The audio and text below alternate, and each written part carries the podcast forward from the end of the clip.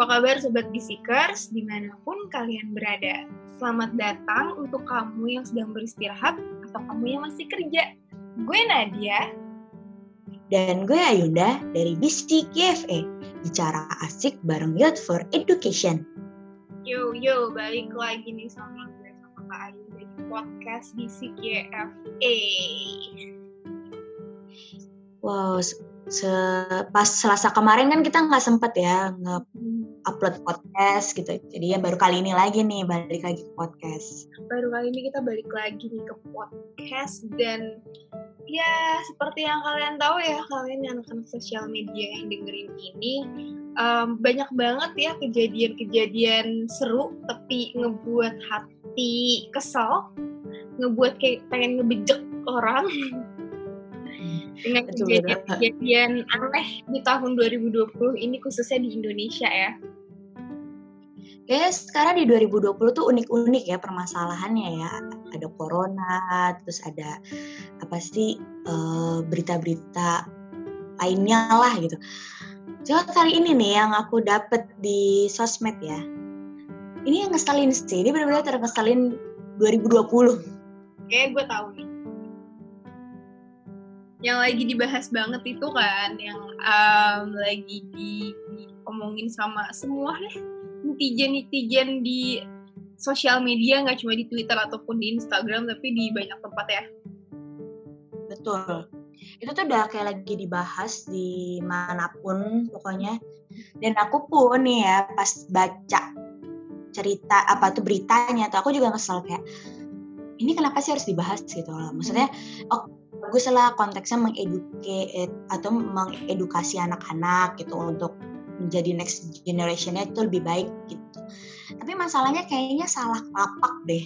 Kalau kalau aku sih mikirnya salah lapak karena apa ya mengedukasi itu kayak perlu lewat berbagi tempat gitu, nggak nggak langsung blush langsung gue bisa mengedukasi orang-orang mungkin disclaimer buat teman-teman yang denger ya ini tuh cuma opini dari gue sama Kak Yunda cuma um, kalau kalian nganggep mungkin nanti kalian punya pendapat lain soal ini nanti kita bakal buka question box atau DM nih di Instagram supaya kita bisa ngebahas bareng nih. Karena ini berkaitan sama anak. Yang di mana ini salah satu hal yang uh, Youth for Education concerning. Jadi konsennya Youth for Education jadi fokusnya. Jadi mungkin kita nanti bisa diskusi bareng sama teman-teman yang juga uh, punya punya perhatian khusus buat anak-anak dan pendidikan khususnya. Betul. It's okay, kita kita menerima masukan. Cuma yang penting tidak menjudge, tidak menggunakan kata-kata sopan. Nah, nah.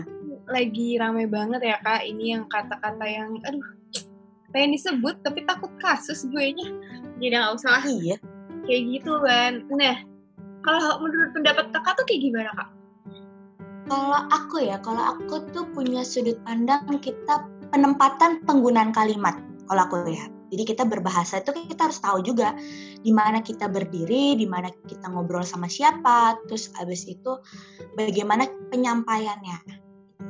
Kalau misalnya nih kita sama orang tua terus kita pakai kata-kata itu ya jelas itu nggak sopan gitu loh. Itu kayak tidak mendidik banget kita ngomong sama orang tua.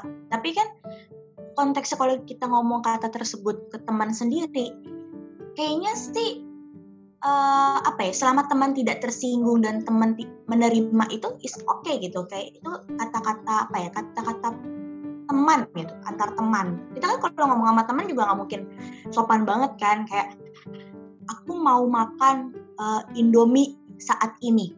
Kan nggak mungkin gitu benar-benar menggunakan SPOK ya pasti kita harus menggunakan kata cepat atau kata slang gitu untuk biar kayak merak, makin dekat sama teman itu kan konteks kita berbahasa atau berbicara dengan or, sama orang-orang di sekitar kita kan.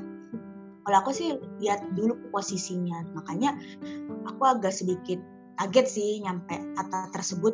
Itu nyampe masuk kata yang tidak sopan atau kata kasar kayak padahal itu umumnya ya waktu aku ngobrol sama teman aku emang pakai kata itu gitu loh paham paham paham, paham. aku ngerti jadi kalau kalau menurut aku ya kak gini um, dari kecil sampai aku gede orang tua aku selalu ngajarin kamu harus bisa menggunakan perkataan, sikap, dan terutama pakaian sesuai sama tempatnya. Itu pertama. Mm. Dari kecil aku selalu diajarin kayak gitu. Nah, um, tapi nggak memungkirkan, nggak memungkirkan kalau aku juga kadang menggunakan kata kasar. Mm. Yang bahkan lebih kasar daripada kata-kata yang disebutin sama um, yang dilarang itu. Sama kata-kata yang dilarang itu. Betul. Tapi konteksnya adalah aku ngomong seperti itu nggak di depan anak-anak dan nggak di depan karena aku suka uh, apa um, karena kita juga sendiri kan kita kan di dunia volunteeran ya kak. Betul. Walaupun kita di luar negeri apa pun di Indonesia sendiri, kita sangat menjaga untuk nggak ngomong itu, nggak ngomong hal tersebut di depan anak-anak, ya kan? Ya, juga pastilah. kita ngasih ngasih uh, apa namanya ngasih perhatian ke anak-anak yang kita sedang ajar di volunteer untuk dia nggak berperilaku kasar atau menggunakan kata-kata kasar kepada temannya kan Betul. Tuh, walaupun kita pun masih menggunakan sama teman kita sendiri Mm. jadi poinnya adalah lo tuh harus tahu di mana tuh lo ngomong hal tersebut Ya. dan Ya, kayak dan, dan jangan sampai dan jangan sampai lo ngomong hal tersebut itu di depan anak-anak ataupun lo ngomong hal tersebut tuh supaya dianggap keren atau kayak jadi sok jagoan gitu loh. Hmm, I see, I see. Betul, betul. Nah ini ya, eh, kadang nih, orang tuh nggak apa ya menggunakan kata kasar tuh suka lupa tempatnya. Nah, tapi sekarang balik lagi kita tuh kan manusia nih ya, kita bukan barang atau kita bukan hewan, kita dikasih akal pikiran yang di mana kita bisa memfilter di mana tempat itu yang layak untuk kita menggunakan bahasa, menggunakan pakaian, gunakan apa tuh berperilaku lah gitu. Jadi kayaknya kalau kita nih sebagai manusia balik lagi kalau misalnya kita mengajarkan ke anak kecil ya memang harus yang baik-baik dong. Tapi kalau sesama temen kayaknya itu udah sebagai teman gimana sih gitu loh. Nah sama orang tua pun juga kita harus tahu tutur kata kita gitu supaya kita juga tahu sopan santun lah sama orang tua. Betul. Soalnya kita kan tahu ya budayanya kan kita jelas beda-beda ya. Kalau mau kita ngomongin ke Amerika gitu atau ke daerah barat tentu ke, ke orang tua kayaknya santuy banget gitu kayak ya udah ngomong manggil nama doang gitu kayak tanpa dosa kalau di sini hmm Makanya kak, ini tuh agak berkaitan juga sama yang pernah kita bahas soal cross culture understanding. Ya nggak sih? hmm betul Cross culture mana ya kita harus tahu juga apa tuh budaya tempat apa tuh sama apa sih yang harus kita lakukan di tempat tersebut gitu supaya jangan sampai salah ibaratnya salah tempat gitu Hmm. salah alam Contoh aja sih kayak karena mungkin kalau kakak kan eh, sekolah di Indo ya, iya Oh, di Indo lagi sekolah di em, Jakarta gitu, maksudnya selingkungan pun masih Nah. banget gitu kan. Sedangkan aku ini dari Jakarta, yang kebetulan dari dulu sekolahku tuh selalu di Jakarta Selatan, Jakarta Selatan. Harus banget di bawah ini di Jakarta Selatan dan sekarang aku harus melanjutkan pendidikanku di eh, kota Semarang. Di oh di daerah berarti daerah di Jawa Tengah. Even itu sebenarnya kota besar, ibu kota Jawa Tengah, dan ya kota lah pokoknya. Cuma tutur kata itu udah beda banget kak. Contoh mungkin Hmm. aku tuh sama teman-temanku sendiri di Jakarta nggak semuanya aku ngomong pakai lo gue, tapi kebanyakan lo gue. Tapi sama ada beberapa temen deket pun cewek, aku ngomongnya aku kamu sama temen deketku, gitu kan. Mm-mm. Terus eh, waktu aku di Semarang, waktu aku di Semarang awal-awal jarang banget ada orang ngomong lo gue, kecuali emang kalau dia emang dari Jakarta, Hmm, dari paham, Jakarta gitu. Jadi ya aku sesuaikan gitu loh sama temen deketku sendiri gitu, sama teman permainan aku sendiri. Ada yang aku ngomongnya lo, lo gue ada yang aku ngomongnya aku kamu karena aku menyesuaikan sama gimana caranya dia ngomong. Dan juga cara dia uh, menanggapi aku gitu kan. Menanggapi omongan aku. Jadi ya udah. Gitu loh. Maksudnya ya penting lo tahu gitu loh di mana lo, lo ngomong hal tersebut dan tempatnya itu di mana. Untuk ngomongin hal tersebut. Untuk menggunakan Betul. ucapan tersebut kata-kata tersebut. Saya kan ini uh, konteksnya ini nih hmm. terjadi karena TV kan. Makanya langsung agak rame nih karena ada artis yang menggunakan kata tersebut di TV jadi takut mengedukasi anak-anak di yang nonton gitu kan. Nah kalau aku sih nangkepnya ya kan karena di TV ini kan berarti dia anak-anak nonton bareng sama orang tuanya ya. Itu sekarang balik lagi ke orang tuanya sih yang nge ngajarin ngefilter gitu loh untuk ini kita boleh nggak sih anak gue pakai kata-kata ini? Gitu. Boleh nggak sih uh, kayak gue harus ngerem nih kayaknya ini kata-kata nggak sopan anak gue nggak boleh ngomong kayak itu kan itu peran orang tua di rumah kan. Kan balik lagi orang tua di rumah bukan pajangan gimana tugasnya mendidik anak. Mendidik anak nggak hanya di sekolah gitu. Mendidik anak di rumah pun ya juga diterapkan di situ itu loh. Iya dan itu dia hmm. makanya peran orang tua tuh penting banget kak. Karena itu adalah uh, media pertama kita untuk belajar. Saat kita udah ke lingkungan, orang tua tuh nggak bisa banyak kontrol sama kita. Jadi pendidikan dasar dari orang tua tuh sangat penting banget gitu loh kak. Betul, betul banget. Ini tuh basicnya tuh penting banget karena setelah kita nanti udah keluar gitu ya itu gimana sikap kita untuk menghadapi dunia luar yang keras ini. Betul menurut aku sih kayak uh, ngebahas soal kata-kata kasar gini karena banyak banget yang lebih kasar lagi seperti yang tadi kita udah omongin sebelum kita mulai podcast. Iya, yeah, SOS. Ya kan, sebelum kita mulai podcast kita udah ngomongin banyak. Kayak ada hal lain gitu loh yang bisa bisa lebih dikhawatirin. Betul, betul banget. Apa aja tuh, Nat? Nah, jadi seperti yang kalian tahu kan tanggal 23 Juli kemarin itu kita ada peringatan Hari Anak Nasional. Hmm. Nah, walaupun ya peringatan kali ini tuh um, lagi di masa pandemik, jadi kita nggak bisa ngapa-ngapain juga kan. Jadinya uh, ya kita inilah baca-baca artikel atau gimana caranya untuk uh, nge-celebrate uh, hari peringatan Hari Anak Nasional ini dengan ya cara kita berbagi mensosialisasi di internet. Nah, hmm. seperti yang kalian tahu nih ya, jadi selama tahun 2020 ini ini dari tanggal satu ini dihitung dari tanggal 1 Januari hingga 24 Juli ya dan ini sumbernya dari Sistem Informasi Online Perlindungan Perempuan dan Anak Simfonik PPA yang aku baca dari VOA Indonesia. Jadi um, uh, dibilang diinformasikan katanya ada sekitar 3.296 3.296 anak perempuan dan 1.319 anak laki-laki menjadi korban kekerasan selama rentang waktu tersebut. Dan dari jumlah wow. tersebut ada sekitar seribu orang, seribu anak yang mengalami kekerasan fisik, 979 anak mengalami kekerasan psikis, dan 2.556 anak menderita kekerasan seksual.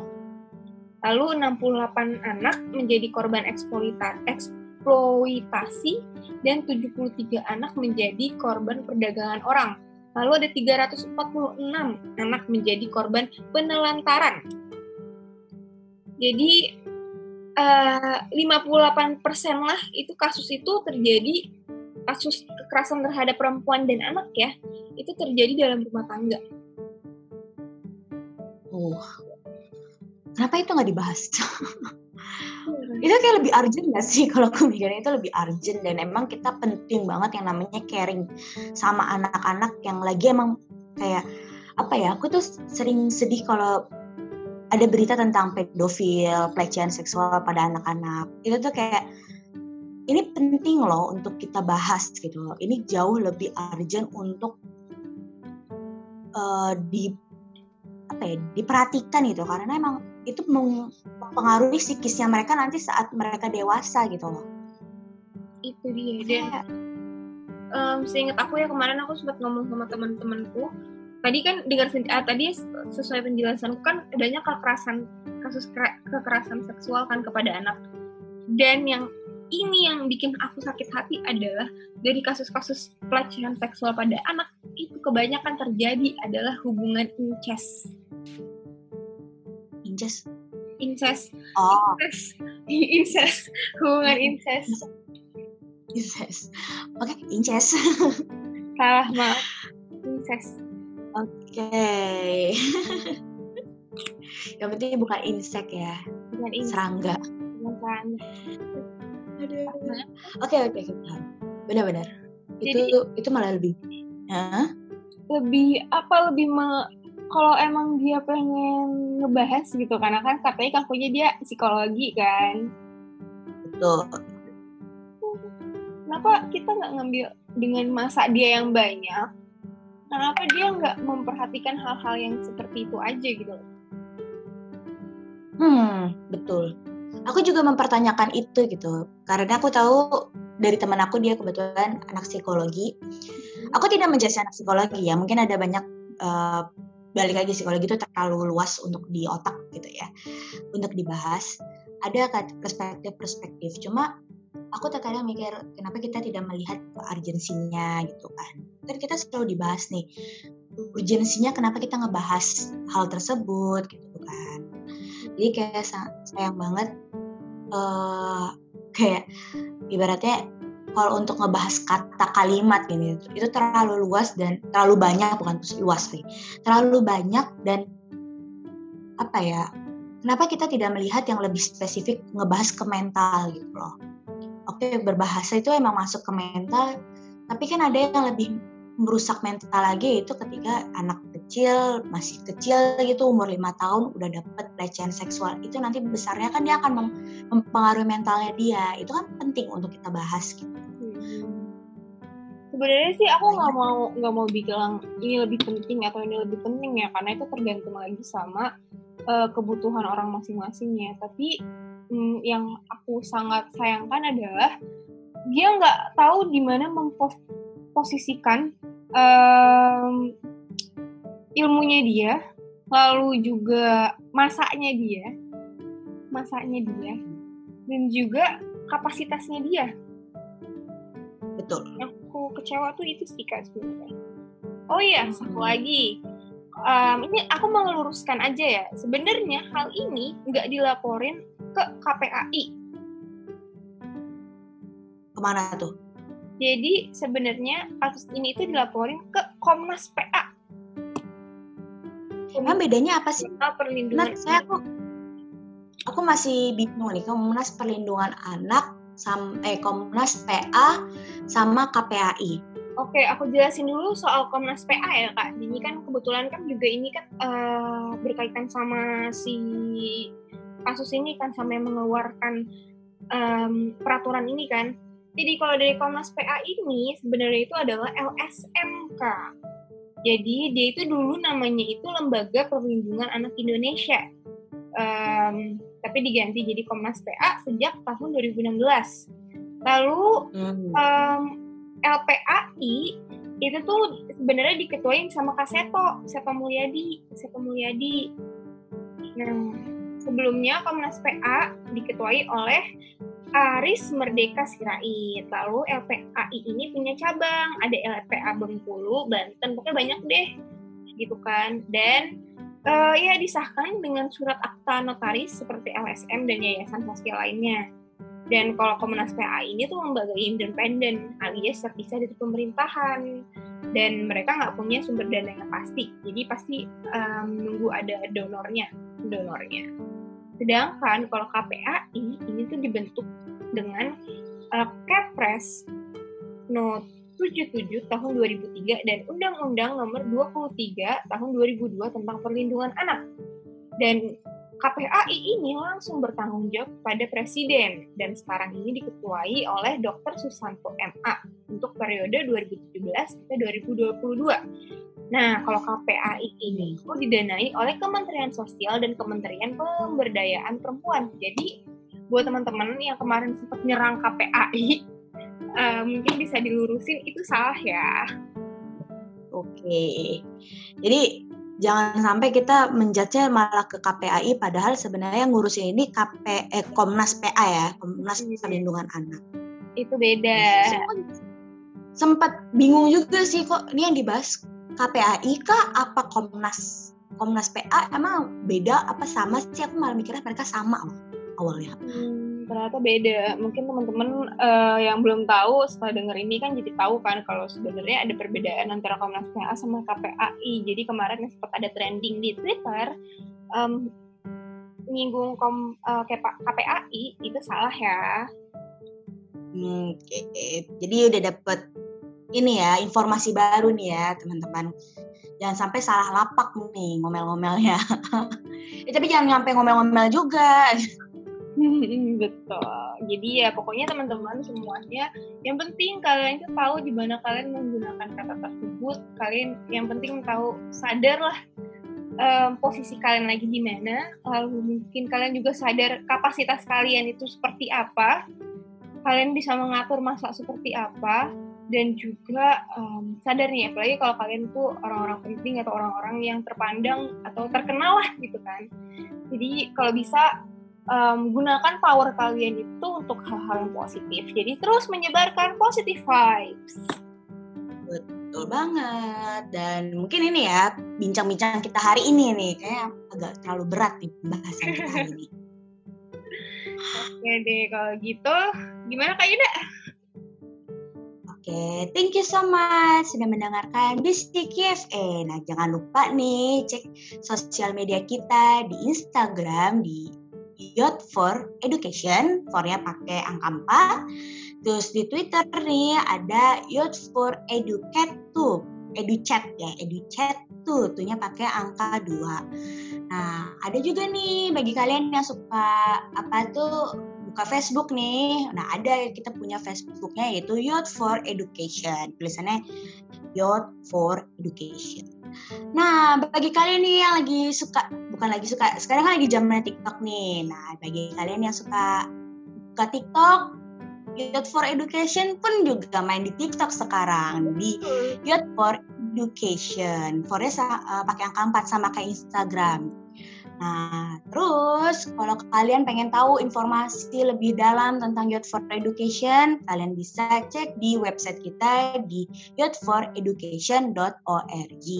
Seperti itu, teman-teman.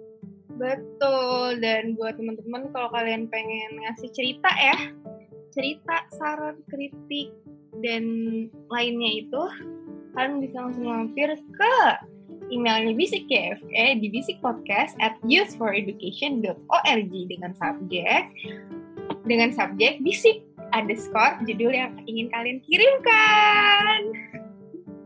Seperti itu.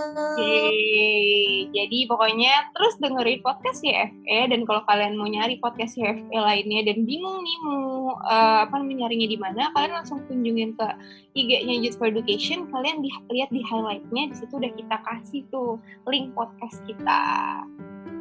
Wah, ya. simple banget ya sekarang ya. Jadi kalau mau langsung dengerin tinggal buka ke Instagram, cari di highlight, langsung deh masuk ke podcast kita. Tuh, kalau gitu, gue Nadia. Dan gue Yunda. Kita pamit undur diri dulu. Bye-bye. Bye-bye.